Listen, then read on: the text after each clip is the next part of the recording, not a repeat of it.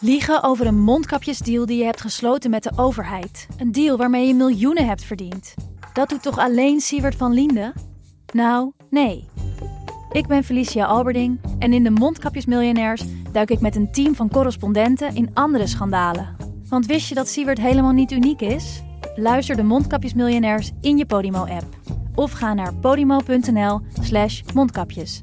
En probeer Podimo 30 dagen. podimo.nl slash mondkapjes. Kijk, het gesprek begon ogenschijnlijk over het onrecht dat mensen wordt aangedaan als er zo'n vernietigende recensie wordt geschreven. En wat dat met mensen doet. Daar leek het gesprek over te gaan. Maar gaandeweg, en dat is dankzij goed redactiewerk van mijn eh, redacteur destijds, blijkt dat die test niet deugt.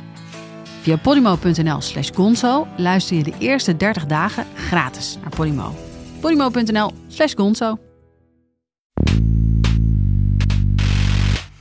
Kaag is wel ambitieus natuurlijk. Dat is wel duidelijk. Haar voet is nooit op de onderste tree van een ladder blijven steken. Wat je vooral ziet is dat ze vanaf heel jonge leeftijd uh, steeds enorme risico's heeft durven nemen. Van ik, ik, ik heb iets voor ogen. Als ze op het gymnasium andere kinderen in het buitenland kunnen studeren, nou waarom ik niet?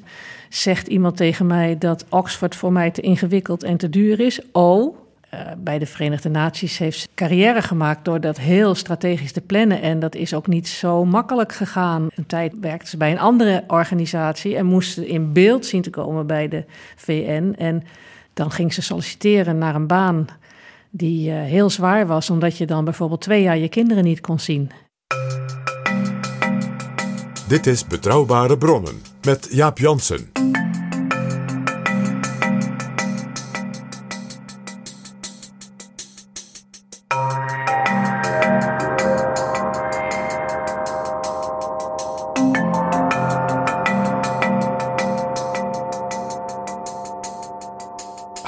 Welkom in Betrouwbare Bronnen, aflevering 270. En welkom ook PG. Dag Jaap. PG, we gaan praten met de biograaf van Sigrid Kaag. Want deze week verscheen bij uitgeverij Prometheus het boek Sigrid Kaag, de schaduwpremier. Een boek geschreven door Wilma Kieskamp, politiek verslaggever van Dagblad Trouw. En het gesprek met haar is zo interessant dat we er twee afleveringen aan wijden. Nu deel 1 hoe Sigrid Kaag de belangrijkste Nederlander werd bij de Verenigde Naties. Welkom in Betrouwbare Bronnen. Ja, leuk hier te zijn. Maar eerst, PG, we hebben weer een aantal nieuwe vrienden van de show. Je weet, mijn favoriete onderdeel van onze podcast. Enorm bedankt Manon, Lieselotte, Martin en Berend. Zeer veel dank voor jullie donatie. Wil jij ook vriend worden? Ga dan naar vriendvandeshow.nl slash bb. En iets bijzonders. Als je vriend bent of nu nog snel vriend wordt, dan maak je kans op het boek van Wilma Kieskamp. Want uitgeverij Prometheus stelt eh, een aantal exemplaren beschikbaar. Dus ga nog snel naar vriendvandeshow.nl slash bb. En met een kleine donatie zijn we al heel erg blij. grote donatie mag natuurlijk ook. En dan stuur ik in de loop van het weekend een mailtje aan alle vrienden en dan kunnen ze meedingen. Deze kans krijgt u maar één keer. Dit is Betrouwbare Bronnen. Wilma Kieskamp, nogmaals welkom. Wat maakt Sigrid Kaag zo fascinerend dat u een boek, een biografie over haar wilde schrijven? Ik uh, ben uh, verslaggever bij uh, Dagblad Trouw en ik moet bij deze vraag meteen denken aan de eerste keer dat ik haar ontmoette. Dat was op zich iets heel kleins, maar er zat veel in, denk ik, van hoe zij is als politicus. In welk jaar was dat? Dat was in uh, 2017, het allereerste congres. Haar eerste, ze was net minister, net een maand minister. En zij zat op dat congres in een hoekje, een beetje onderuitgezakt in een stoel. En ik dacht, ik kan haar iets vragen. En ze zei, plomp verloren, ik ben moe. En ik dacht, dat heb ik eigenlijk nooit meegemaakt als verslaggever, dat een politicus gewoon zegt, ik ben moe. Ik heb eigenlijk geen zin in jou. Ja, ik werd eigenlijk afgewezen. Maar ik zag ook, ze was ook niet met anderen aan het netwerken. Dus ze zat daar een beetje zo, die, die hele beroemde vrouw waar iedereen het over had. Die, die, en die niemand die, kende. Die topdiplomaat, die zelf nog helemaal nieuw was in Nederland. Die zat daar in, in dat hoekje en die dacht, ik, ik ben wel even klaar met dit congres. En wat mij fascineert aan, aan Kaag is dat zij heeft altijd iets gehouden van... Um, die Haagse bubbel, daar, daar, daar ben ik als buitenstaander ingekomen. En ik, ik voel me ook een buitenstaander. En ik, ik, ik, ik zie hier heel veel dingen, zo vertaal ik dat even als je in haar hoofd kruipt, waar ik niks mee heb. Is uw boek in dat opzicht niet misschien een beetje voorbarig? Te vroeg. Nee, denk ik niet. Want ze is, ze, deze, deze, deze politicus is nu al sinds 2017 actief uh, in de Nederlandse politiek. Want dat zit het licht van de eeuwigheid niks. Dat klopt, uh, PG. Eén kabinet. In elk geval, um, wat ik er fascinerend aan vond, was uh, dat je ziet, er komt een nieuwe politicus. Ze heeft iets eigens, iets eigenzinnigs, ook iets van ik pas mij niet aan. Zelf was ik toen nog niet zo lang verslaggever. En ik, had, ik herkende wel iets van dat. Als je als nieuwkomer komt, dan denk je ook: wat is dat voor circus hier in Den Haag? Ik ben daar blijven volgen. En de aanleiding voor het boek is in wezen heel simpel. Uh, zij had die uh, enorme goede verkiezingsuitslag gemaakt dit voorjaar. En uh, eigenlijk stelden we ook vast, ja, zo, ondanks dat er heel veel over haar gepraat wordt, ken je haar eigenlijk nog heel weinig. En dat is ook wat het boek beoogt. Gewoon is haar wat beter leren kennen en met name de feiten op een rij zetten over haar als politicus, uh, zowel in haar politieke loopbaan als ook die hele loopbaan daarvoor bij de Verenigde Naties. Ja, want u zei, zij straalde heel erg uit. Ik kom van buiten deze bubbel en ik wil me niet al te zeer aanpassen aan die bubbel.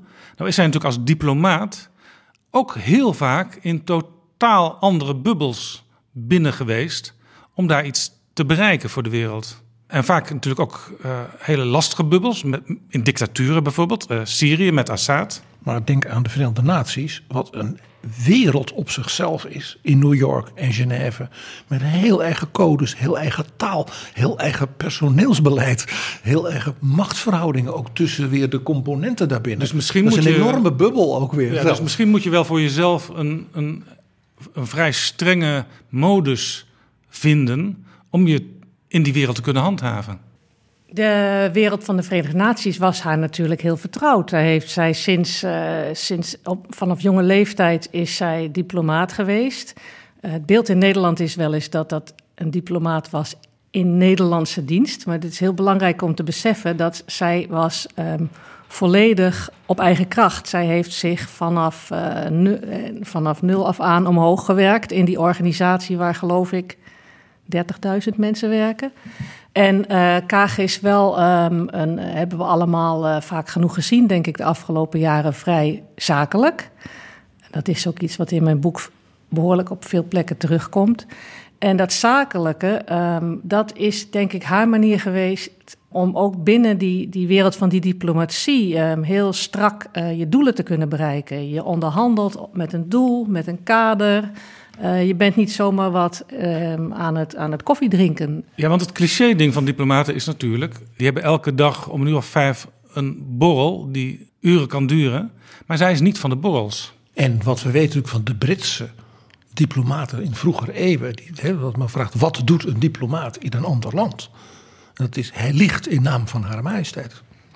Ja, maar zo'n diplomaat is zij natuurlijk nee, nooit geweest. Hè? Dat is ja, ja zij, zij was niet. Uh, zij, zou zij in Nederland uh, zijn gebleven uh, als diplomaat, dan was zij misschien wel zo'n diplomaat geworden. Maar zij was een diplomaat in internationale dienst.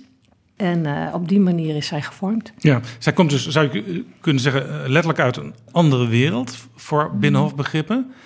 Voor D66-begrippen is ze ook bijzonder. Want zij steekt niet onder stoelen of banken dat ze katholiek is en dat ze uit het geloof uh, haar inspiratie haalt. Ze heeft zelfs een rozenkrans in haar tas permanent. Dat is ook bijzonder voor een D66-leider. Ja, Kaag heeft denk ik heel vaak iets, iets dubbels. Aan de ene, ene kant leidt, je, leidt ze een seculiere partij. Aan de andere kant komt zij uh, vaak vertellen over haar geloof. Volgens mij vertelt ze nog vaker over haar geloof dan bijvoorbeeld Gert-Jan Segers in wezen.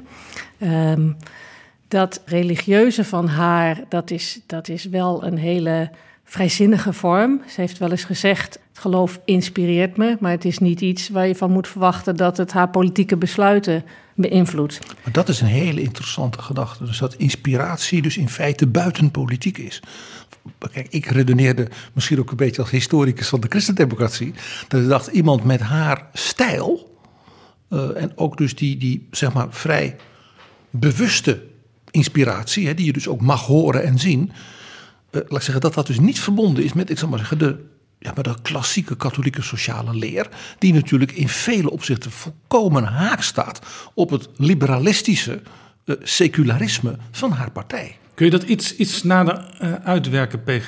Die katholieke sociale leer, waar, waar staat dat haaks op wat D66 nou, de, wil? De katholieke sociale leer uh, is natuurlijk van de late 19e eeuw. En dat was een poging van vooral de beroemde paus Leo XIII. Die zei, je moet als katholieke gelovigen gezamenlijk, dus dat was het eerste, je doet het samen. Daar ontstond ook dat met het zuilenidee, de katholieke hoek van. Je zowel verhouden tegen zeg maar, de uh, godlogenende, uh, alles moet kunnen, vrije spel de maatschappelijke krachten van de liberalen. Dat is sociaal, leidt dat tot ellende. En tegenover zeg maar, de socialistisch-communistische filosofie en ideologie, die natuurlijk in feite ook net zo anti-godsdienstig was. En die als het ware vanuit een klassenbewustzijn ja, uitging. Ja. En paus, paus, paus Leo die zei: het is beide dus fundamentele verkeerde redenering. Waar het om gaat is dat je als het ware vanuit het geloof de samenleving ordent. Dat men was heel sterk van de maatschappelijke ordening. Waarbij ieder zijn plek had in de samenleving. En die plek dus ook van een ieder werd gerespecteerd vanuit het geloof. Ja, dat, dat, dat staat in zekere zin uh, haaks op het individualisme, waar ja. natuurlijk het liberalisme voor gekozen En dus het secularistische, wat natuurlijk heel sterk in D66 zit. Ja, ik, ik zei natuurlijk wel, ze heeft gezegd het geloof inspireert. Dan moet je niet denk ik opvatten als dat is haar primaire inspiratiebron. Die primaire inspiratiebron, dat, dat zit hem veel meer in de waarden van de Verenigde Naties... die zij als het ware onder de arm heeft meegenomen in haar politieke carrière.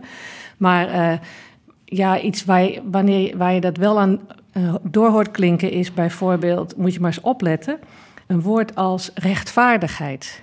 Dat gebruikt zij behoorlijk vaak. En uh, voor veel mensen zal dat zomaar een woord zijn, maar uh, voor gelovige mensen is dat een soort, soort kernbegrip van denk, waaruit... Denk aan de be befaamde katholieke, machtige katholieke organisatie in de, uit de verzuiling. Justitia et Pax. Justitia et Pax van Marga Klompé. Ook een zo'n zeer geïnspireerde vrouwelijke politicus. Hè, dus, ja, dus gerechtigheid, rechtvaardigheid en vrede. En dat die twee dus nooit los van elkaar kunnen. Wat je ook ziet bijvoorbeeld in Den Haag, stad van vrede en recht. Dat is ook heel duidelijk van die uit, hoek uit geïnspireerd. Nou ja, en verder komt zij uit een echt D66-gezin. Wat, waar ook wel een linkje zit met, het, met wat jij nu vertelt, uh, PG. Ja, haar ouders stemden uh, altijd D66. Kijk, haar, haar, bijvoorbeeld haar, ja, haar ouders stemden D66. Kaag, Kaag komt uit een echt D66-nest. Dat is bijna uh, verzuild dus. ja, maar haar, bijvoorbeeld haar vader die uh, hoorde bij de generatie jonge katholieken die uh, helemaal geporteerd waren van Hans van Mierlo, omdat Hans van Mierlo ook een katholiek was die vond dat het anders moest en die wilde breken uit die zuilen en het moest anders. Dus uh, ja, op, op die manier, zij zo'n soort katholiek die veel meer net wil dat het via een seculiere partij invulling wordt gegeven aan dat begrip rechtvaardigheid. En verder, wat betreft dat geloof, is het ook, denk ik, volgens mij heel uh, simpel iets. Uh, de dingen die zij erover verteld heeft, hoor je ook vaak in door dat zij is 30 jaar weg geweest uit Nederland, maar zij koesterde ook heel erg bepaalde dingen van thuis. En één ding van thuis was het geloof van haar ouders. Haar, vader die speelde orgel in de kerk. Uh, haar moeder was erg van biddende aard, een kaarsje opsteken, een Ave Maria. En, en dat heeft zij eigenlijk gewoon Want bewaard. Het was ook zo dat uh, waar ter wereld zij ook was, ook op plekken waar voornamelijk moskeeën staan, ze zocht altijd een kerkje op. Ja, dat, dat heeft ze verteld in interviews rond uh, verkiezingstijd. Uh, vertelde ze bijvoorbeeld hoe zij als, als student in, in Cairo, moet je je voorstellen, hè, was ze jaren tachtig, uh, ging ze op haar twintigste naar Cairo, uh, zonder dat er internet bestond, uh, volledig op zichzelf aangewezen. Geweldige stad, Cairo. Ik ben er dol op. Ja, ja, oh ja, ja. ja. En ze zat daar op een prachtige campus, maar uh, voelde zich vaak ook wel heel alleen. En dan, voor een beetje vertrouwdheid, liep ze dan zo'n koptische kerk binnen. En dan hoorde ze die gezangen en dan dacht ze, ja, dit is, dit is het gevoel van thuis. Dus, en ik denk ook wel, en dan ga ik misschien psychologiseren, dan moet je een beetje mee uitkijken. Maar als je zo lang in het Midden-Oosten hebt gewoond, dat is natuurlijk een gebied waar, waar iedereen heeft een geloof. Um, als je daar zegt, ik geloof niet, dan, krijg je, dan ben je de uitzondering. Dus daar, daar, daar is zij denk ik ook gevormd doordat het heel natuurlijk is om iets aan religie te doen. En haar gezin was daar is ze wel trots op. Dat is heel multicultureel of multireligieus. Haar man is geboren als moslim, maar heeft het geloof vaarwel gezegd. Uh, zij zelf is katholiek. Ze heeft de kinderen laten dopen. Maar de kinderen zelf mochten dan weer kiezen of ze daar iets mee deden. En ik heb de indruk dat ze dat verder niet als katholiek door het leven gaan, die kinderen. Ja, er zit, er zit, er zit, er zit nog iets dubbels misschien. Ze komt uit een, uit een D66-gezin, een, een middenklasse gezin. In haar jonge jeugd woonde ze in een appartementje van 70 uh, eh, vierkante meter. Uh, uh, met, met haar zus op één kamer. Dus niet, niet echt groot. Maar dat is het echt de middenklasse van Nederland van die tijd. En, dat moet je niet vergelijken met nu. En zij woonde eigenlijk op de grens met het rijkere deel van Zeist, waar ze vandaan komt. En op school, het Christelijk Lyceum, daar zaten ook al die kinderen bij elkaar en door elkaar. Uh, heeft ze daar misschien ook misschien dat, dat wat deftige praten ook geleerd? Ze zat inderdaad, uh, omdat ze goed kon leren, kon ze, ging ze naar het uh, gymnasium. Waar ze overigens in de klas zat met Wouter Bos. Daar fietste ze ook mee naar school? Ja, was ze mee bevriend. en, en het is wel grappig, want die, die twee hebben in wezen bijna dezelfde soort carrière uiteindelijk ja, Wouter Bos, uh, Shell. Zij heeft ook kort voor Shell gewerkt. Ja, Wouter Bos wilde ook uh, studeren in het buitenland. Uh, is ook partijleider geworden. En enfin, minister van Financiën. Ja, waar, waar, waar, we dwalen af. waar kwam dat trouwens vandaan dat ze in het buitenland wilde gaan studeren? Um, zij, zij zat op een school... Um, het gymnasium van het Christelijk Lyceum in, in Zeist. En dat is van oudsher, is dat, uh, ontdekte ik, wist ik niet, is dat een, school waar uh, de protestantse elite, uh, die in het buitenland werkte, dus protestantse expats, die stuurden daar vroeger hun kinderen naartoe. En toen zij op die school kwam, zat daar ook nog een internaat voor, voor onder andere diplomatenkinderen. Zeist was ook een belangrijk hoofdkwartier van de Wereldraad van Kerken. Dus de internationale samenwerking van de ecumenische kerken, de protestante kerken die ecumenisch gericht waren, zaten er in zo'n kerk en wereld. Dus daar rond Zeist heb je in die bossen ook allemaal van dat soort hele grote instituten. En die mensen, hun kinderen, gingen dus vaak ook naar die school. Ja, en ik, ik noem dat in mijn boek noem ik dat het deftige en bevlogen zeist. En eh, voor mijn gevoel zitten al die twee elementen in haar. En je vraagt je wel af. En dat ecumenische zit er dus in zekere zin, hoewel ze dus niet protestant is, zit dat er wel bij haar ook in. Ja, die sfeer wel. Ja. Je vraagt je wel elitair, af elitair soort protestantisme ja. in, maar, de vrijgezinnige hoek. Ja, maar in zekere zin uh, ja. diversiteit, wat nu ook een Verenigde Naties doel is, zou je kunnen zeggen. Uh, dat zat, zat eigenlijk al door heel haar jeugd heen al die mensen uit al die verschillende afkomsten. Zelfs op die elitaire school uh, had je al kinderen, uh, ja, mensen met minder inkomen, mensen die echt rijk waren. Kijk, zij was uit het buitenland, Kijk, uit Nederland. Dat, was... dat, hoorde, ja, dat hoorde gewoon bij de verzuiling. In die tijd was het nog zo dat de, het onderwijs ook wat dat betreft, waar ging je heen? van de christelijke school ging je naar het christelijk lyceum. Uh, en dat, waar kwam men dus uit alle hoeken. Dus dat is meer de verzuiling van toen dan diversiteit. Wopke Hoekstra die, die had ook naar die school gekund. Maar die, want die woonde daar ook, die is ook opgegroeid in Zeist. Maar die is in, in Utrecht naar school gegaan, want daar was het gymnasium nog wel een graadje chiquer. uh, maar uh, dit, um, uh, ja, kijk, je zegt die diversiteit. Nee, nee het was maar, zoals ik het nu gelezen heb en gehoord heb, heb ik, is mijn indruk, dat was een behoorlijk elitaire school. Uh, zij komt ook niet uit een arm gezin. Zij komt uit een middenklasse gezin. Haar vader had een goede baan als leraar. Het was een heel, heel ja, financieel, ja. Ja, financieel geen rijk gezin. Ja, maar wel cultureel, hè, cultureel wel, wel goed onderlegd. Moet bij zeggen, in die tijd, zeg maar jaren zestig, uh, was natuurlijk ook net als nu woningnood.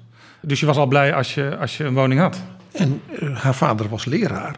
En dan hoorde je in maatschappelijk opzicht, ook cultureel opzicht, wel een beetje tot de elite. In die tijd was dat zeker nog zo. Uh, maar niet wat betreft de inkomens. De, de Nee. leraren waren, werden natuurlijk net zo slecht betaald. uh, ja, de tijd van de wederopbouw als de ambtenaren. Ja. En haar moeder was onderwijzeres, maar net als mijn moeder stopte ze met werken toen er kinderen aankwamen. Ja, ja. en dat, dat, dat, uh, dat accent wat zij heeft, waar iedereen natuurlijk toch gefascineerd door is, waar heeft ze dat opgepikt? Dat is denk ik een combinatie van wat ze hoorde op school. En uh, haar moeder schijnt ook uh, heel beschaafd Nederlands gesproken te hebben. En, en was iemand met heel veel taalgevoel. En die er ook op stond dat er, dat er correct gesproken werd. Dus uh, ja, net als ik net zeg, dat geloof koesterde ze misschien als een soort iets van thuis. Heeft ze misschien ook dat spreken van haar moeder wel zo gekoesterd. Misschien toch gewoon de stijl van het gezin waarin ze opgroeide. Waar ze zich, zich gewoon als mens comfortabel in voelde. Ja. Zeker als je dan in een ja, dynamische uh, miljoenenstad als Cairo ja, je eigen weg moet gaan uh, vinden. Dat is nogal wat. Ja, het interessante is als, als je haar nu Engels of Frans hoort praten, dan is dat ook perfect. Dus zij spreekt gewoon in taal die je meteen kunt opschrijven en die dan voor iedereen begrijpelijk is. Ja, zij heeft een enorm taalgevoel, denk ik. We hadden het al een beetje over. D66 is een liberale partij. Individuele vrijheid is belangrijk. Uh, geldt dat ook voor Kaag? Is zij een individualist? Goh, dat vind ik een interessante vraag. Um, als je haar hoort spreken over de partij, dan, um, dan spreekt zij niet in dat soort termen. Ze heeft het woord vrijheid, hoor ik haar niet vaak in de mond nemen. Ze is volgens mij wel een echte liberaal. Ook economisch? Ja, volgens mij, ja. ja dus het ja. is een soort Gerrit minister van Financiën? Dat, uh, als, als minister van Financiën bedoel je? Ja, tuurlijk. Dat weet ik niet. Maar wel in de zin van uh, uh, bijvoorbeeld uh, dat ondernemingen moet, ruimte moeten hebben om te ondernemen. Daarin staat zij gewoon in de traditie van D66, zoals de fractie daar de afgelopen jaren over heeft gedacht. Ik denk niet dat ze werkt. daar rechtser is, maar ook niet linkser. En hè? wie hard werkt, die moet ook wat over kunnen houden. Inkomensverschillen zijn eigenlijk een aansporing om je best te doen.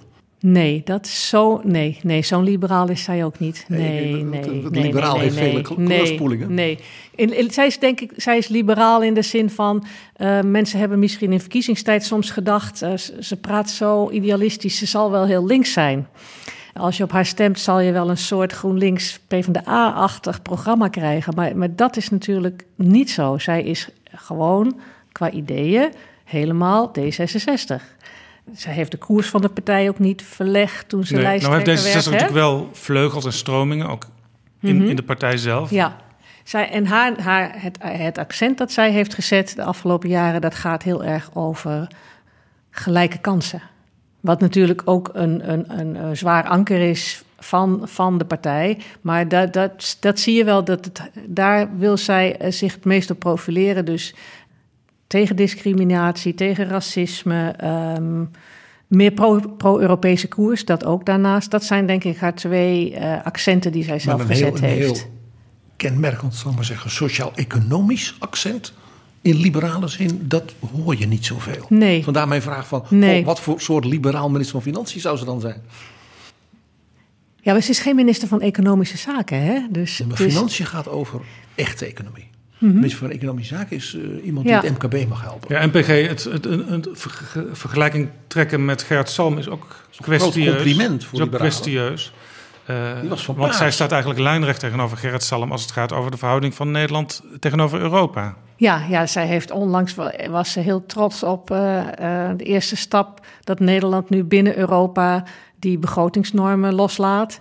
En uh, samen met, met Spanje, schouder aan schouder, uh, staat van landen mogen ook zelf beslissen hoe ze dus binnen de begrotingsdiscipline blijven. Vond ja, en heel zij heeft waarschijnlijk ook een beetje, een beetje ja, haar kaken op elkaar moeten houden.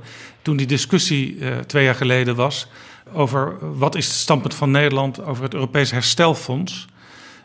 waar Nederland heel lang op de rem heeft getrapt en pas op het einde instemde met de grote overdracht van geld. Ja, ja. Zij is natuurlijk altijd wel heel um, pro-Europees. heeft gewild dat Nederland toch meer een voortrekkersrol zou gaan spelen in Europa. Dat woord voortrekker, dat staat nu ook in het coalitieakkoord. Ik, ik vermoed dat zij heeft gezegd, en dat moet erin. er zijn voor elke partij altijd buzzwords ja. waarvan je zegt, dat moet erin. En dan mag bij dat andere puntje, ach, nou ja. Dat is altijd, elke partij heeft dat. Ja, en, en Wopke Hoekstra zegt het nu ook hè, in zijn speeches. Uh, Nederland wil een voortrekker zijn. Omdat, omdat hij dat er ook zelf kan zijn. En even, dus zij is dus niet zo als een liberale minister van Financiën zoals Gerrit Salm, die toch van paars was, hè, dat D66-ideaal. Uh, die dus Il Duro was in Europa. Nee, nee, dat is weer een heel ander soort liberalisme. Dit is het vrijzinnige liberalisme, wat, hè, wat uitgaat van het, het, sociaal-liberaal, zeggen ze dan bij D66. Dat vinden ze heel belangrijk in die partij, dat je dat woord sociaal eraan vast uh, plakt. Zo'n soort liberaal wil zij zijn, die dan toch uh, uh, wel natuurlijk de economie moet vrij zijn, maar mensen moeten ook kansen hebben. Hè. Dat is het idee van de, de, de springplank die mensen moeten hebben. Ja, toch nog even terugkomend op die vraag: is zij een individualist? Ze, is een moeder, ze heeft een aantal kinderen, eh, maar ze maakt ook internationale carrière. En als je internationale carrière maakt, dan weet je nooit waar je over een paar jaar woont en werkt. En zij heeft ook eh, soms uh, ver van haar gezin langere tijd uh, moeten werken. Was dat dan voor haar ook een idee van: dit doe ik, want ja, ik wil hoog komen in die wereld van de Verenigde Naties? En ja, daar kan mijn gezin onder lijden, maar dat moet dan maar zo zijn. Nou, Ankaag is wel ambitieus natuurlijk. Dat is wel duidelijk. Ik schrijf ergens in het boek: haar voet is nooit op de onderste tree van een ladder blijven steken. En uh, ja, wat je, heel, wat je vooral ziet is uh, dat ze vanaf heel jonge leeftijd uh, steeds enorme risico's heeft durven nemen. Van ik, ik, ik heb iets voor ogen. als, ze op de, als ze op het gymnasium andere kinderen in het buitenland kunnen studeren, nou waarom ik niet? zegt iemand tegen mij dat Oxford voor mij te ingewikkeld en te duur is. Oh, nou, dan ga ik wel. Uh, bij de Verenigde Naties heeft carrière gemaakt door dat heel strategisch te plannen. En dat is ook niet zo makkelijk gegaan. Uh, ze, uh, ze, heeft ook een tijd werkte ze, heel, werkte ze bij een andere organisatie en moest in beeld zien te komen bij de VN. En dan ging ze solliciteren naar een baan die heel zwaar was, omdat je dan bijvoorbeeld twee jaar je kinderen niet kon zien. Zo is zij bijvoorbeeld gaan werken in Soudaan. In, uh, in een tijd dat daar net een burgeroorlog uh, met een vredesakkoord was beklonken. En, en zij moest toen het plan gaan schrijven, samen met andere VN'ers, om uh, de wederopbouw van Zuid-Soedan in goede, ja, sociaal en economisch voor te bereiden. Maar dat is interessant, want dat onderhandelingsproces over met name die economische aspecten, mm -hmm. dat was weer het werk van de broer van Pieter Omtzigt, Dirk-Jan Omtzigt. Oh, is dat zo? Ja, die ook bij ons gast is geweest. Dus leuk. Oh, ja. Zij heeft het stokje als het ware van Dirk-Jan Omtzigt overgenomen toen. Maar er zitten allerlei lijntjes, want ze is destijds, toen ze in Soudaan werkte, daar werkte ook die hele missie in Soudaan, dat weten sommige mensen misschien nog wel. Dat was een gigantische VN-vredesmissie en die stond destijds onder leiding van de Nederlandse oud-minister Jan Pronk.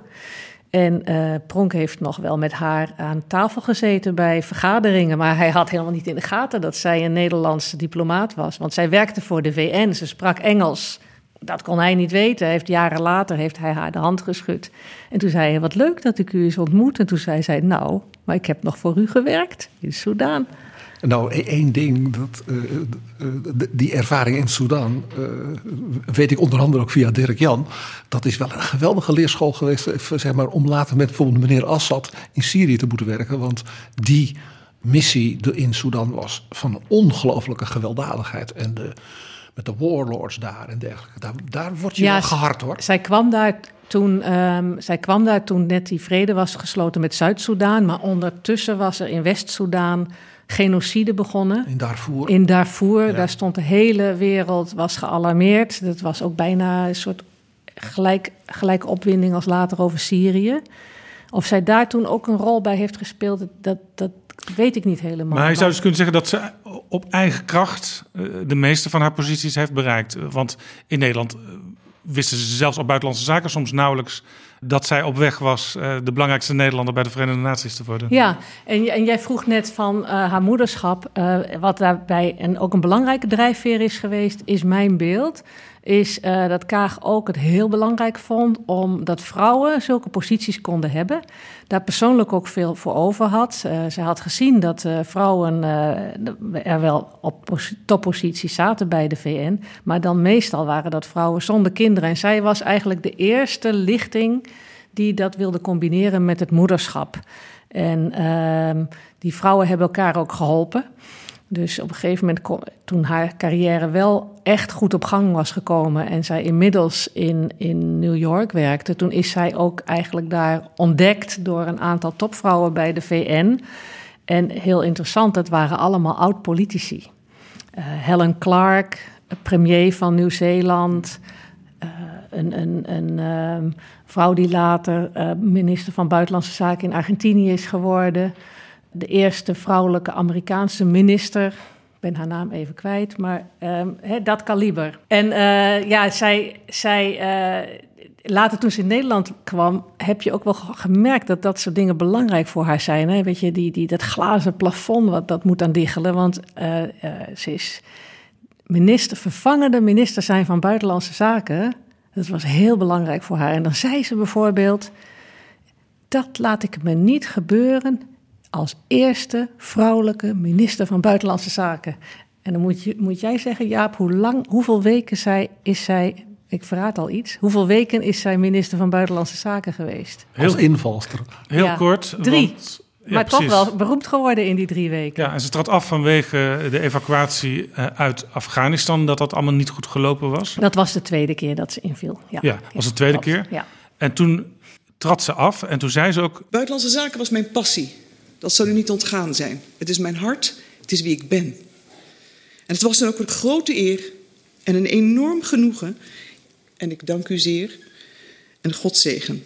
Ja, dat is echt kaag, zo'n tekst. Ja, ja. Maar dat, dat was dus echt een zeer emotioneel moment. Ja, ja, ja. Ja, dat, dat, ja, ik denk dat. Is, dat... speelt hier ook, want dat vind ik heel interessant, ook, zeker ook in die internationale loopbaan. Uh, je zegt van ik ben een vrouw, ik ben een moeder hè, en ik vind dat die vrouwen moeten. Dat je dan je vinger opsteekt om te zeggen, nou stuur mij maar naar dat godsgruwelijke Zuid-Soedan. Doe mij maar het moeilijkste. Dus, waar dus genocide en met warlords en alles erop en eraan. Inderdaad, ik zei het wat, wat, wat, wat cynisch. Nou, daar leer je wel wat je dan vervolgens bij Assad kunt toepassen. Want dat is minstens zo erg. Dat heeft dus ook iets van dat zij zegt, zegt ik steek mijn vinger op. Ja, ik wacht niet tot een ander zegt van nou misschien is dat iets voor jou. Nou, wat zij toen, zij heeft dat gedaan, uh, is mij verteld. Um, door mensen die in diezelfde periode haar goed kenden. Zij zat toen een beetje op doodspoor bij de VN. En, en zij had als vrouw had zij vooral gewerkt in, in wat meer de vrouwelijke kant van de VN. Uh, ja, wat we bij, wat, bijvoorbeeld UNICEF, dat wist, dat wist ik helemaal niet. Maar het grootste deel van haar carrière werkte ze gewoon bij UNICEF. Het is wel bijzonder dat ze dat zelf eigenlijk nooit zegt. Hè? Maar toen ontdekten ze dat um, om echt hoger op te komen, had je ook meer uh, ervaring nodig aan de mannelijke kant. Dat wil zeggen uh, met veiligheid, met, met gewapende missies, in oorlogssituaties. Hard onderhandelen. Hard onderhandelen. Lang van huis zijn, je kinderen niet kunnen zien. En zij heeft toen een heel bewuste keuze genomen. Wil, ik, wil het wat worden met mijn droom om, om bij die VN hoger op te komen, dan moet ik die ervaring gaan vergaren. En haar man steunt haar dan daar altijd blind Ja, over haar man gesproken. Ze kan ook heel resoluut een besluit nemen. Hè? Want ze werkte nog op buitenlandse zaken. Uh, ze hield zich onder andere bezig daar met het Midden-Oosten. En zij besloot op een gegeven moment uh, te trouwen met een vooraanstaande Palestijn. Uh, hij was onderminister bij Arafat, tandarts daarvoor nog, ambassadeur.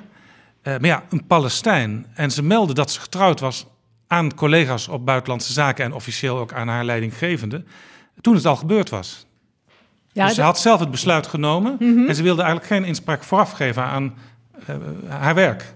Ja, ja zij, neemt, zij neemt haar eigen beslissing, is mijn beeld. Uh, ze, ze denkt erover na, dan neemt ze een beslissing en dat is haar beslissing. Het, en dan neemt ze ook het risico daar blijkbaar bij, want dat zijn ook, zelfs ook dat huwelijk, dat had dus gelet op de professionele situatie in zat, aanzienlijk riskante kanten.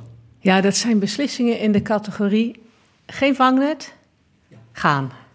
Zij heeft um, in, hem in, in, haar man ontmoet in, uh, in, 1992, geloof ik. Zij was toen een hele jonge uh, diplomaat. werkzaam op het ministerie van Buitenlandse Zaken. Net het klasje gedaan van Klingendaal. Stond klaar om, om dan zo'n keurige carrière te maken. Misschien later ambassadeur te worden in Nederlandse dienst. En dan naar die borrels te gaan waar jij het net over had. En um, de aanleiding van dit huwelijk is heel politiek eigenlijk. Want uh, Nederland speelde destijds een, een voortrekkersrol bij het vredesproces in het Midden-Oosten. En het waren totaal andere tijden dan nu. Er was een... Ja, er was toen optimisme over dat vredesproces. Nou, sterker nog, er was euforie, denk ik. Uh, er zou de, de vrede zou uitbreken tussen Israël en de Palestijnen. En er is toen een missie gestuurd van de Verenigde Naties. En daar mochten ook Nederlandse ambtenaren mee, diplomaten mee. En zij is toen meegevraagd om voor de aller, allereerste keer op bezoek te gaan in de bezette gebieden. Was dit na zeg maar, de grote topconferentie van Madrid? Dit was in de herfst van 92. Ja, ja, dat, ja. dat is dus de, de, en die missie... de, de, de, prijs, als het ware, die uh, president Bush met Gorbachev uh, als het ware had afgesproken van als nou, we nou in Europa de ja. wiedervereniging dan doen, dan gaan we daarna samen ja. De, James Baker, die toen die beroemde ja. conferentie in Madrid organiseerde, waarbij dus uh, zowel Arafat als de Israëlische leiding er beide aanwezig waren. Dat was al nou ja, aanleiding tot die euforie. Dit is een huwelijk tegen het decor van de wereldgeschiedenis. Zo, zo heeft ze. En toen ontmoette zij daar.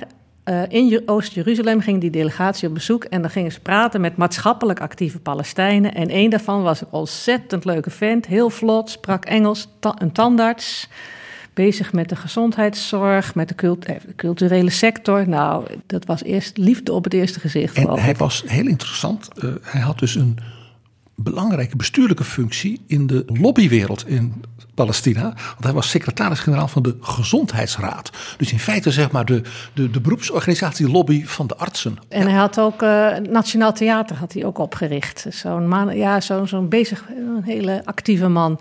Hij is, uh, hij is uh, toen ook, toen die eerste toen het vredesakkoord, of de, toen die Oslo-akkoorden, ik moet niet zeggen vredesakkoorden, dat was de aanloop naar vredesakkoorden, toen die kwamen in, dat iedereen weet nog wel, die beroemde foto op het uh, gazon van het Witte Huis.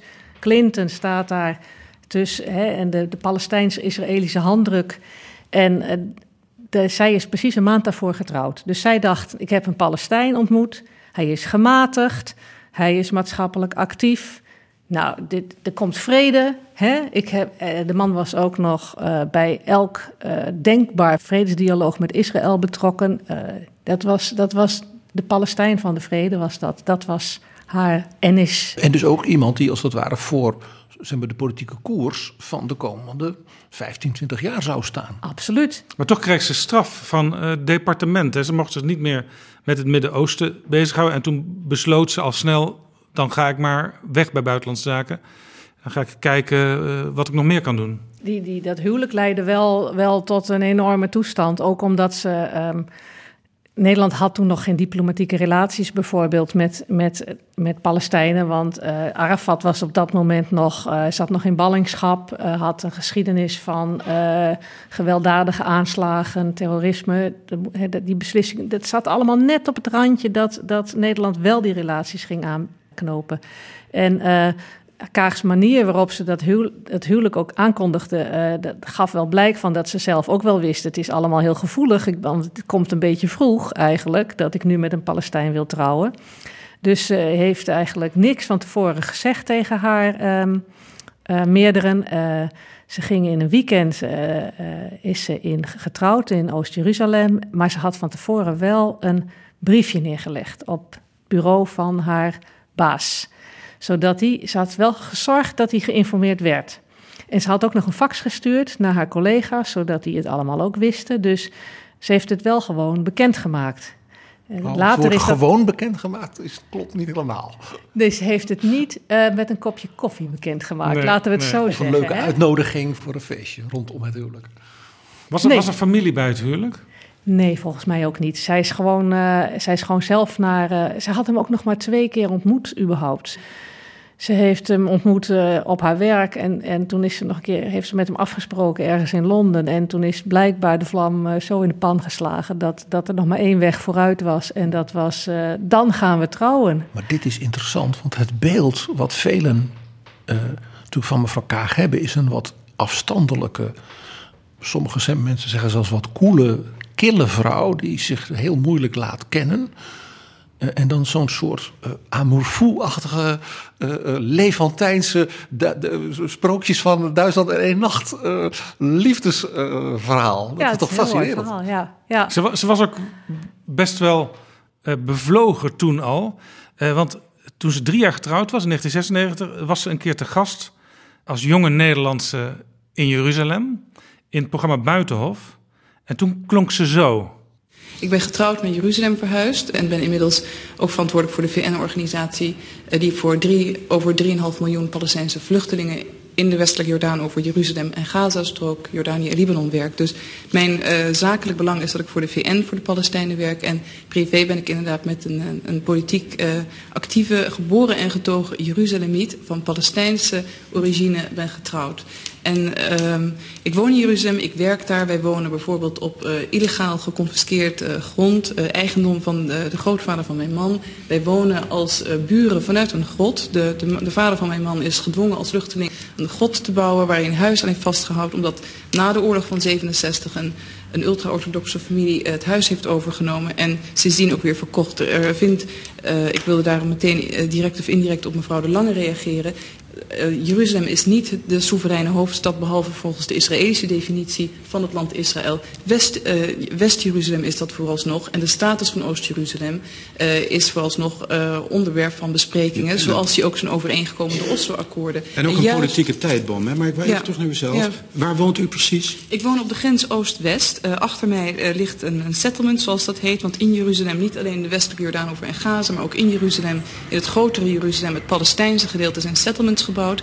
Achter ons ligt het settlement, dat heet Talpiot. Wij wonen op een geconfiskeerd uh, landgebied wat tot groene zone is verklaard. Meestal groene zones worden voor Joods-Israëlische huisvesting nader gebruikt. En woont u daar veilig?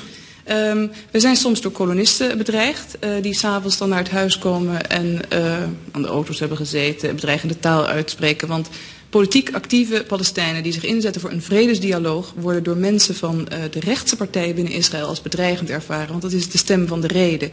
Die gelukkig nu ook zijn weerspraak heeft gevonden in de Israëlische kant van de samenleving. Wat ongeveer 50% is. Dat, niet, dat mag niet vergeten worden. Vertegenwoordigd door de arbeiders en de Meretz-partij. Die ook zeggen vrede is de uitweg uit het vele menselijke leed dat aan beide kanten van de scheidslijn Israël en Palestijnen, twee volken, is geleden juist ten gevolge van het conflict. over twee heel verschillende landen. Hè. Ik hoor hier woont drie een kilometer van land elkaar. waar ik niet woon. U woont drie Dit kilometer van land waar ik nu over hoor spreken door deze mevrouw die tegenover mij zit, daar heb ik nog nooit van gehoord. Zij was daar in Buitenhof in gesprek met Wiesje de Lange, een orthodox-Joodse, ook inwoner van Jeruzalem. En die clashte daar echt. Ja, Kaag, uh, dat is een, een, vrij beroemd geworden uh, filmpje, omdat dat is nog steeds terug te vinden op Ja. internet. In de beschrijving van deze aflevering staat er ook een link naar. Oh, fantastisch, ja. Ehm, kijk, wat er toen, dat was drie jaar later en eh, na haar huwelijk. En eh, toen was dat hele vredesproces al totaal mislukt. En dat is natuurlijk voor haar, krijg ik de indruk, is dat een persoonlijk een van de grootste decepties van haar leven. Die Palestijnse regering eh, was ook door corruptie getroffen. Eh, Israël werkte aan alle kanten het vredesproces tegen. Eh, mensen in de praktijk, in die buurt waar zij woonden in Jeruzalem, hadden alleen maar last, meer last gekregen van ehm, de situatie. Het was, het was achteruit gegaan in plaats van vooruit. Voor de Palestijnen was er bijna geen perspectief. En toen zat zij bij Buitenhof en toen mocht zij als inwoner van Jeruzalem mocht zij dan ehm, ja, zo'n debatje doen met een andere Nederlandse vrouw die, ehm, die vond dat je heel Israël op basis van de Bijbel toebehoorde aan de, de, orthodoxe, aan de, aan de Joodse, Joden. orthodox-Joodse opvatting Ja, over ja. wat Israël Ja, is. ja. En nou ja, dan zie je echt een hele felle kaag, zie je dan. Ja. Ook best wel een debuut op de televisie in feite. Als je meteen zo'n zwaar debat in moet. Ja, en zij ergerde zich vreselijk dat ze dan zo in die, in die setting werd gezet van uh, het, uh, een ex, iemand die uh, wat betreft het Israëlische standpunt heel erg aan, aan de extreme kant zat. En dat zij dan aan de, ja, daartegenin moest, alsof zij dan aan de hele Net zo extreme net zo Palestijnse kant ongenuanceerd zat. moest doen. Ja, en dat, dat, dat, daar was ze woest over, dat merkte je aan alles. En, uh, Dat maar je was ziet daar wel helemaal gewend. de kaag van nu eigenlijk Ja. ook, hè? Ja, maar ook dat ze soms het moeilijk vindt om in zo'n mediasetting dan haar eigen rol te definiëren. Ze liet ook heel vaak die mevrouw niet uitspreken. Marissa hier van Vriend van de Show met een boodschap van algemeen nut. Deze podcast wordt met veel liefde, plezier en eigen geld gemaakt. Wil je de maker steunen? Ga naar vriendvandeshow.nl en word vriend.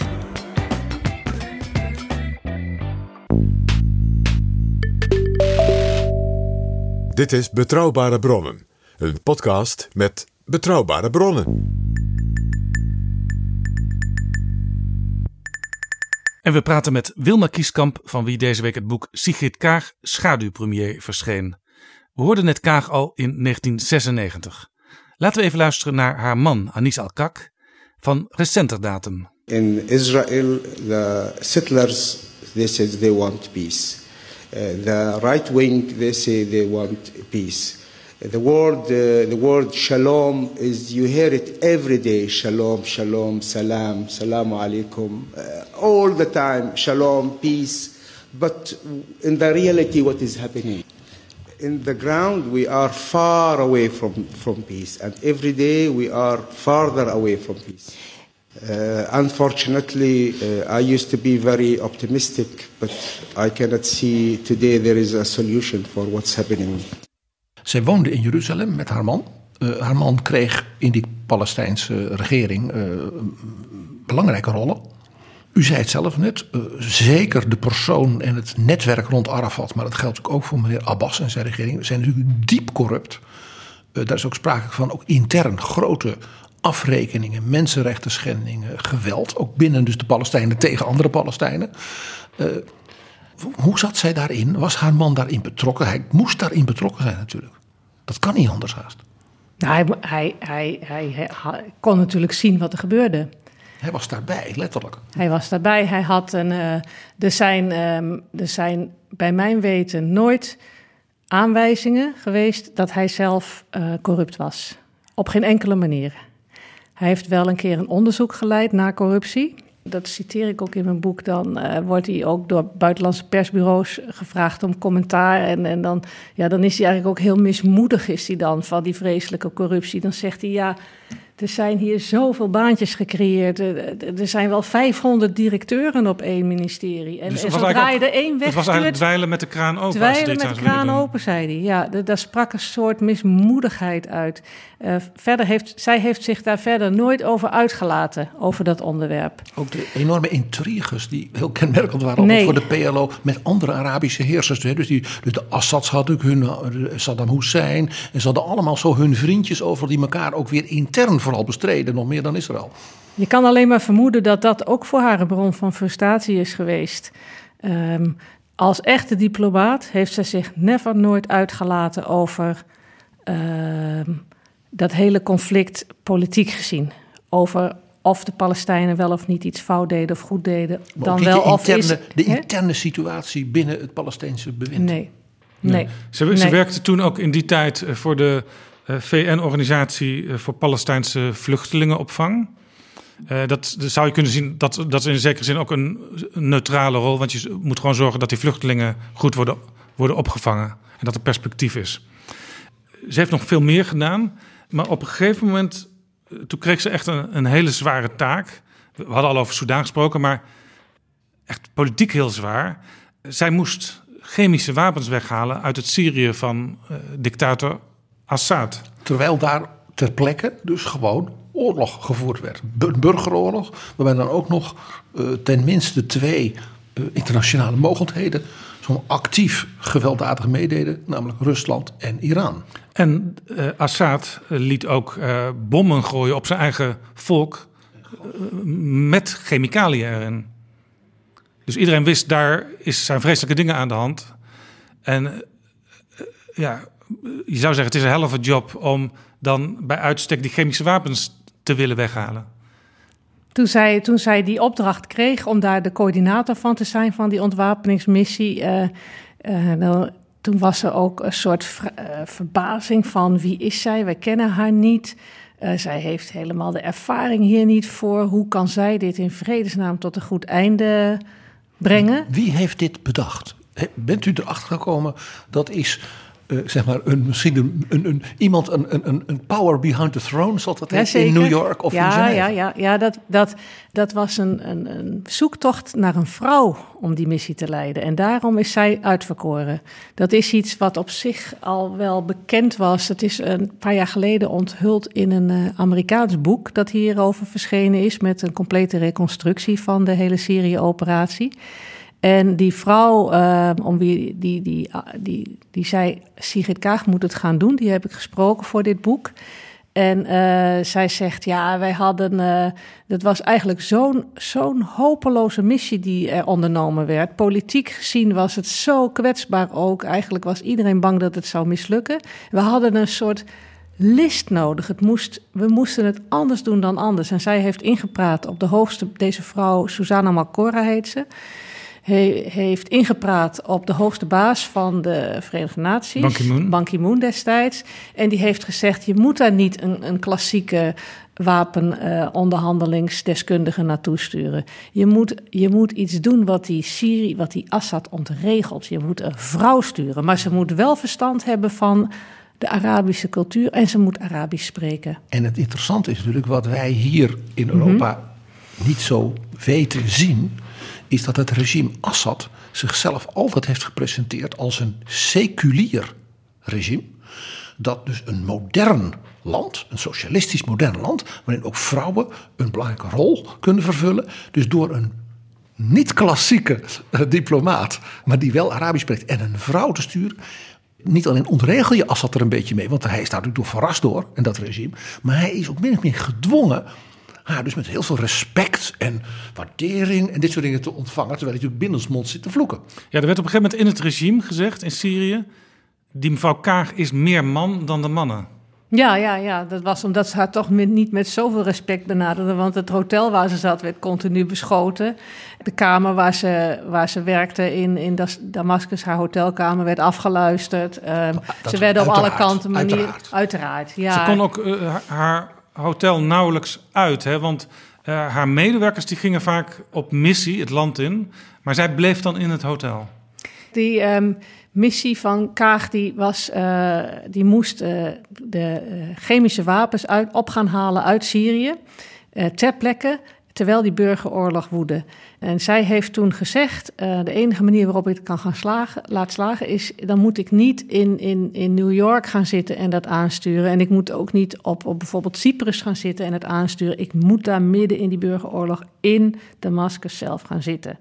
Maar zij mocht, dicht zij boven- mocht dicht niet... bovenop het Ja. paleis van Assad. Ja, ik heb zelfs het idee dat, dat ze elkaar bij wijze van spreken bijna konden zien. Want zij zat daar in zo'n zo'n hotel, ehm, eh, zo'n marmeren toren, eh 15 etages hoog. Was trouwens door Assad aangewezen. Daar moesten ze gaan zitten. Zij vonden dat zelf allemaal heel gênant dat ze daar onder de kroonluchter een van de zaten. duurste hotels die Ja, hij zei nee, jullie moeten daar zitten. En zijn paleis ligt ergens op een heuvel verderop. Dus zij mocht zelf niet naar buiten, want het was gewoon te gevaarlijk. En eh, zij was als, als hoofd van die missie ook, ehm, ja, alle, eh, was zij ook persoonlijk, eh, liep zij een risico. Er waren, eh, aan- iedereen die tegen die missie was, die wilde haar ook wel, een, op haar ook wel een aanslag plegen. Laten we even luisteren naar Sigrid Kaag. Die houdt een persconferentie. intermediate milestones have not been met, but uh, delays have, are not insurmountable, and that uh, we, we think the deadline of 13th of June can be met. Uh, all equipments and requirements are in country. Um, there is an expectation of swift movement, safe and secure, naturally, noting the security conditions uh, in country that are volatile and precarious. Uh, and obviously, I will return to uh, Syria over the weekend, and I look forward to an ongoing dialogue with counterparts and to work with the team to ensure that everything is done from verification, inspection, and that in country based destruction also continues. Because at the end of the day, the overall objective of the elimination and destruction of Syria's chemical weapons program is the whole package. Removal is a big and important part of that, but there's ongoing destruction in country which also takes place. I'll take some questions. Wat zij hier zegt is, we hebben met die en die gepraat, eh, we hebben dat en dat gedaan. We zijn nog niet op het moment dat we kunnen zeggen dat er uitzicht is op een conclusie. Dus dat was eigenlijk de situatie ongeveer negen maanden lang waarin zij permanent zat. Er gebeurde van alles. Er werden initiatieven ondernomen. Maar er waren nog steeds chemische wapens en het, de missie was nog niet geslaagd. Ja, voor mij was een van de eye-openers van het boek uh, dat um, ik dacht altijd er is een hele harde breuk geweest in de carrière van Sigrid Kaag. Eerst was ze diplomaat en toen was ze politicus. Maar de ontdekking was dat dat diplomatenwerk van haar bij de VN, hoewel het vaak aan de humanitaire kant was, zat bijna altijd op plekken waar er een hele sterke politieke context was. Um, of je kan het ook simpeler zeggen. Kaag heeft volgens mij een enorme hang naar avontuur. En ze zocht ook graag banen uit.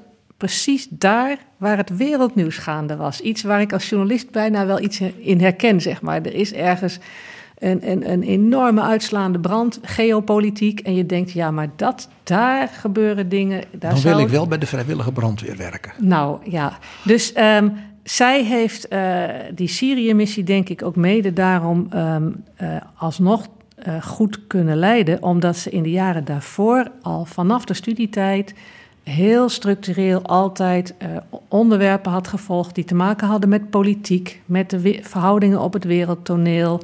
En mag ik nog iets anders bij zeggen?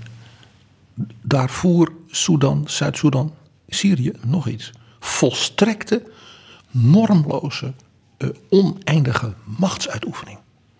Dus op een volstrekt niet westers, democratische enzovoort manier.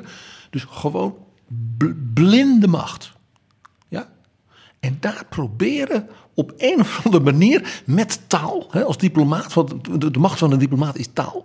En de verhoudingen te snappen, iets te bewerken. Maar niet alleen dat, met, met, met die bruutheden waar je het nu over hebt, ook um, vredesprocessen. Ja, dat maar, is denk ik ja, haar dat, andere maar, poot. Hè, maar, dat, maar, dat, dat, maar dat is dus het enige wat, wat, als er, wat daar tegenover nog staat. Want waarom wilde zij, toen ze, toen ze ontslag nam bij het ministerie van Buitenlandse Zaken vanwege haar, omdat ze toch ging, ging, ging wonen bij haar man, waarom, waarom ging ze toen werken in Jeruzalem?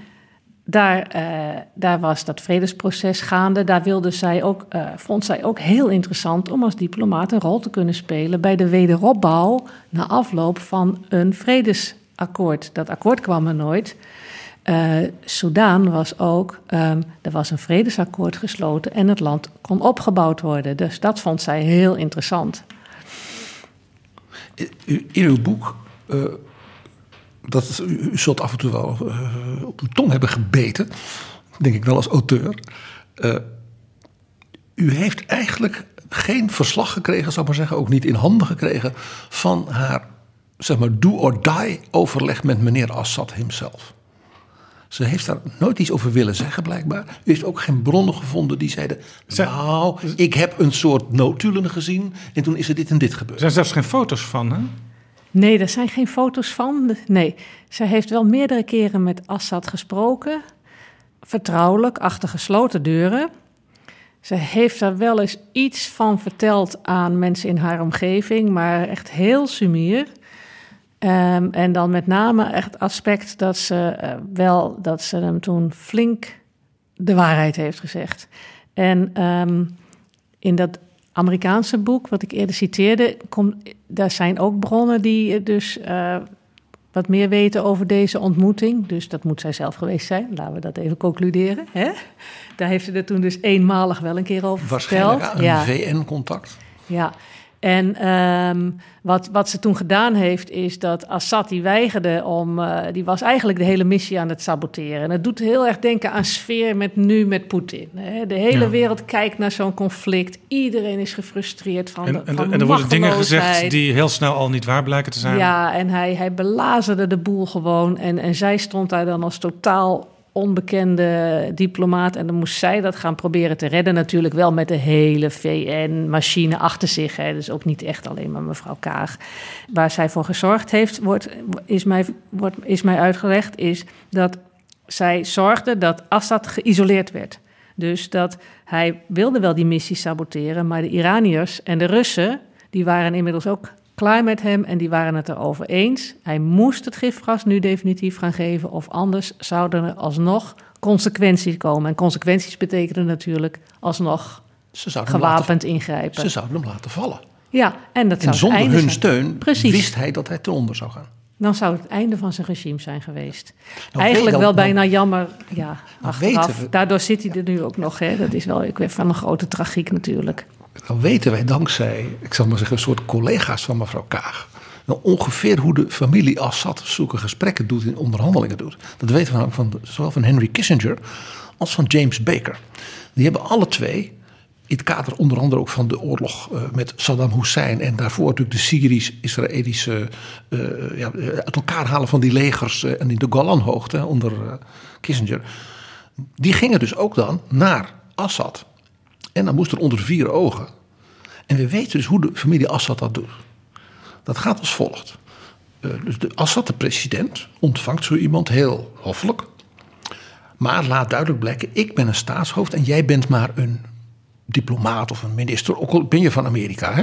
Of zij heeft dan de hele VN achter zich, maar jij bent in feite een ambtenaar. Dus die houdt dan een monoloog van 2,5 tot 3 uur over de geschiedenis van Syrië en hoe fout dus hè, bijvoorbeeld bij die Amerikaanse ministers Amerika al even in het Midden-Oosten was. En hoe het Alles. land altijd heeft geleden. Het altijd. En ze doen nog iets. Jij krijgt voortdurend Arabische thee en hij niets. En zo'n gesprek kan rustig 7 tot 8 uur duren en jij kunt niet naar het toilet. Dus James Baker heeft in zijn memoires verteld. Als ik dus met Assad senior ging praten, wist ik natuurlijk van oud-collega Kissinger wat hij dan deed. Dus hij zegt, ik zorgde dat ik echt die avond van tevoren en zo als er een soort uitgedroogd was. Dus dat ik gewoon acht uur lang op dat stoeltje kon zitten. Je raakte die thee alleen met je, met, met- je lippen aan. Want je wist dat hij net zo lang doorging tot jij brak. Dus dat was een vorm van soort mentale marteling. Maar Sigrid Kaag had zelf ook haar tactieken, hè? Ja, daarom is het zo interessant. Wat, dus die zoon van Assad doet precies hetzelfde. Oh ja, is dat zo? En, en, het grappige is, als zij dus vertelt, ik heb hem de waarheid gezegd, dan betekent dat dus dat op een bepaald moment erin is geslaagd in te breken in die monoloog. Of die monoloog naar zich toe te trekken. En hem dus zover te krijgen, want hij is uiteindelijk toen toch gaan bewegen. Om, om, om in die manier van intimidatie en ja, als het ware helemaal tegen de wand drukken, ook fysiek, om daar dus ja, dat te overleven. Wat is op zo'n moment de tactiek van Sigrid Kaag? Dat is enerzijds dat hele zakelijke, wat ze kan hebben in onderhandelingen. Wat, wat, in- Hè, in- dan dan wat op- kan wat- ze heel duidelijk zijn. Zei wat op haar het Binnenhof ook eh, soms zegt niet haar helemaal rechterhand begrepen in het wordt. boek. Ja, ja, als je de lijn naar het Binnenhof wilt trekken, op zich onvergelijkbare grootheden. Maar wel, ja, als het erop aankomt, dan kan ze denk ik hard, het hard spelen in onderhandelingen. Heel duidelijk zijn van dit, dit moet er gebeuren en dan laat ze zich niet afleiden. Zijn, heel duidelijk zijn is dus iets anders dan bluffen, dreigen, weglopen, dat soort dingen. Want dat is ook een vorm van Ja. duidelijk zijn. En je, je, je spieren laten rollen, zal ik maar zeggen. Kijk, wat, wat ze concreet heeft gedaan, dat weet ik niet. Ehm, ze is natuurlijk. Die was er helaas niet bij. Ik hè? was er helaas niet bij. Eh, de strategie is wel duidelijk. Er hebben hè, iemand in het boek, haar rechterhand eh, van destijds, die zegt ook in het boek: Kaag kan dan heel duidelijk zijn. Ze is heel zakelijk en, en recht op het doel af met die onderhandelingen. Daarnaast heeft ze, denk ik, een strategie gebruikt waarover eh, haar rechterhand ook vertelt in het boek. Die ze bij diverse gesprekken heeft gebruikt. En dan zette ze een geheimwapen in. En dat was een kettingje om haar nek. Het is iets waar, eh, wat zij wel vaker doet. Dan heeft ze een soort verborgen signaal bij zich. En in dit geval was het een kettingje met de namen van haar vier kinderen. In, In- Arabische In het. Arabische Ja. geschreven. Hè? Dus die dat is een typisch Arabisch eh, eh, eh, soort, soort, Ja. juweel. En dan in kalligrafie. Ja. Op ons is destijds die ketting nooit opgevallen op alle foto's. Maar mensen die Arabisch spreken zien meteen dat daar vier kinderen staan. Hè. Kindernamen staan Janna, Makram, Adam, Ines. En dan zei ze, dan had ze een boodschap voor ze. Dan ging ze een beetje zwaaien met het kettingje volgens de verhalen. En ik vermoed dat ze dat ook bij Assad dan heeft gedaan. Dan zeker als het acht uur duurde, zoals jij zegt. En dan, dan had ze toch de boodschap: Ik ben een moeder, ik wil veilig naar huis. Ik heb kinderen. En ik zit hier ook vanwege de kinderen in Syrië. En nou, ik- ga daar dan en, maar eens tegen En in. Hè? ik heb Arabische kinderen. Ik heb kinderen zoals jij ze ook hebt. En zoals jij voortdurend roept dat jij voor het volk van Syrië dit en voor Syrië dat. Hè, dus er zit Ja. ook iets uitdagends in van... Ja. Jij praat daar wel over, maar er zijn ook echte Arabische kinderen. En die, hè, die hangen op mijn hart. Het doet een beetje denken aan Madeleine Albright, die altijd een broche eh, op haar revers had. Denk aan haar beroemde boek Read My Pins. Dan ging ze bijvoorbeeld met een dictator praten en dan, dan was daar een slang zichtbaar in die broche. Met andere woorden, ik ken jouw soort, wilden ze daarmee uitstralen. Zij had een hele collectie. Ze heeft er zelfs een tentoonstelling uh, in Washington met haar pins, haar broches. Met een catalogus ze heeft een boek geschreven waarbij ze bij haar beroemdste uh, broches vertelde van... die heb ik gekocht bij mijn voorbereiding van mijn bezoek aan Kim Jong-un. En die had ik op als ik bij uh, zeg maar, die, die, Arabische uh, vorst was. En die had ik op als ik zeg maar, in, in Rusland was. Of, of bij een, een van de slechterik in Zuid-Amerika of zo. Dus de, de, Madeleine Albright had dus heel bewuste dingen. En bijvoorbeeld als ze in Oost-Europa was, uh, dan had ze altijd iets met, iets met vrijheid. Dus zij zei, ik dacht daar altijd heel erg over na. Dus, dus toen ik dit las, jij, jij hebt dezelfde associatie. Ik dacht, dit is Albright. Is Albright een van haar soort rolmodellen? In elk geval uh, vrouwen die uh, in de politiek uh, minister van Buitenlandse Zaken zijn geweest. Dus dat moet wel. Ja, dat ja. moet wel. Margaret Thatcher ook, heeft ze zelfs ook zij, wel eens zij genoemd. onlangs ook weer... Ondanks dat er inhoudelijk politiek grote verschillen zijn. Maar als, ja. als, figuur, als symboolfiguur van een vrouw die op zo'n positie Kaag is onlangs om de oren geslagen natuurlijk met haar citaat...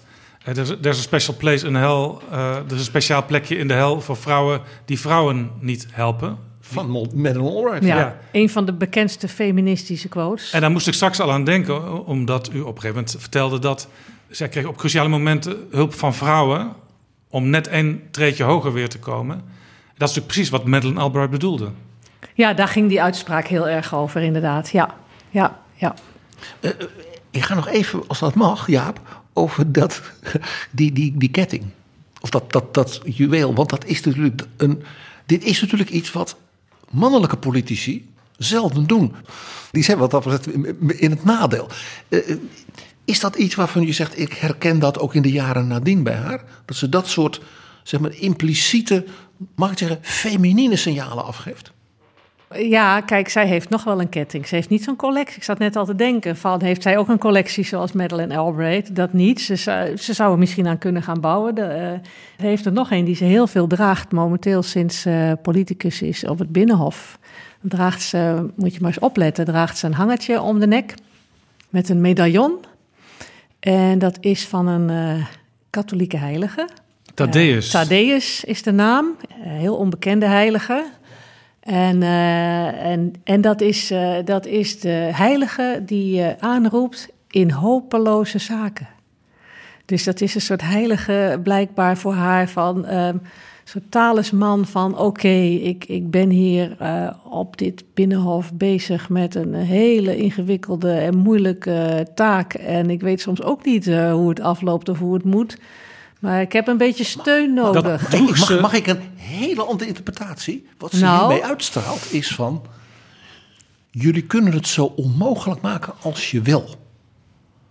Ik heb een soort kracht in mij. Ja, dat is die inspiratie die dus niet ideologisch is. Maar ik heb een soort kracht in mij en misschien wel achter mij... die mij in elke onmogelijke situatie toch sterkte geeft. In elk geval is het ook denk ik iets van um, een soort, soort onthechtheid van ik, um, ik doe mijn werk zo goed mogelijk. Ik laat me niet gek maken. Maar er is ook nog meer. Um, in, hè, niet zozeer van er is meer als uh, ik heb een leuke hobby. Maar, want zo'n mevrouw is het natuurlijk niet. Uh, maar meer, uh, ja, als ik gedaan heb wat ik kan. En, en ook al vindt iedereen het dan niet goed. Um, ja, we zijn ook allemaal maar uh, een beetje aan het, aan het proberen. En, en er is iets hogers als dat ons niet helpt. Dat, wij zijn zelf een beetje machteloos zo. Dat, dat, daar zit wel dat, maar dat religieuze Ze, ze droeg dat medaillon zelfs op de avond van de verkiezingsuitslag. Ja. Uh, toen bleek ze ja. uiteindelijk Hans van Mierlo naar de kroon te steken. 24 zetels, zoveel had D66 alleen onder Van Mierlo gehaald.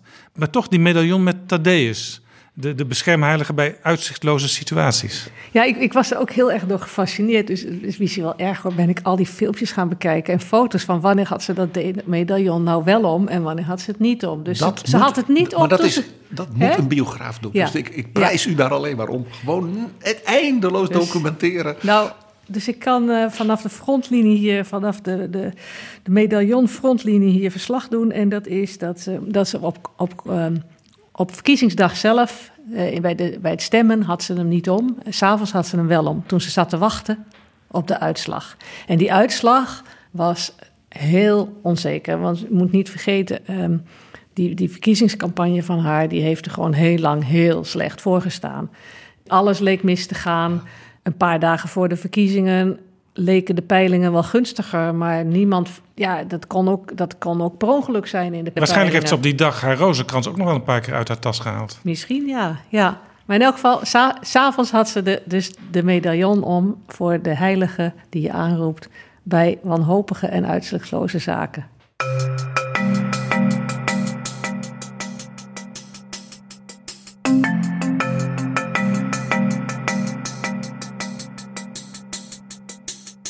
Zo, dit was Betrouwbare Bronnen, aflevering 270. Het eerste deel van een tweeluik. Volgende keer deel 2, waarin topdiplomaat Sigrid Kaag besluit politicus en partijleider te willen worden. Deze aflevering is mede mogelijk gemaakt door de vrienden van de show. Mensen die met een donatie ervoor zorgen dat er nog veel meer afleveringen kunnen komen. Ben jij al vriend? Of word je het nu nog snel? Dan kun je meedingen naar het boek van Wilma Kieskamp over Sigrid Kaag. Ga daarvoor naar vriendvandeshow.nl/slash bb. Tot volgende keer. Betrouwbare bronnen wordt gemaakt door Jaap Jansen in samenwerking met dag en nacht.nl.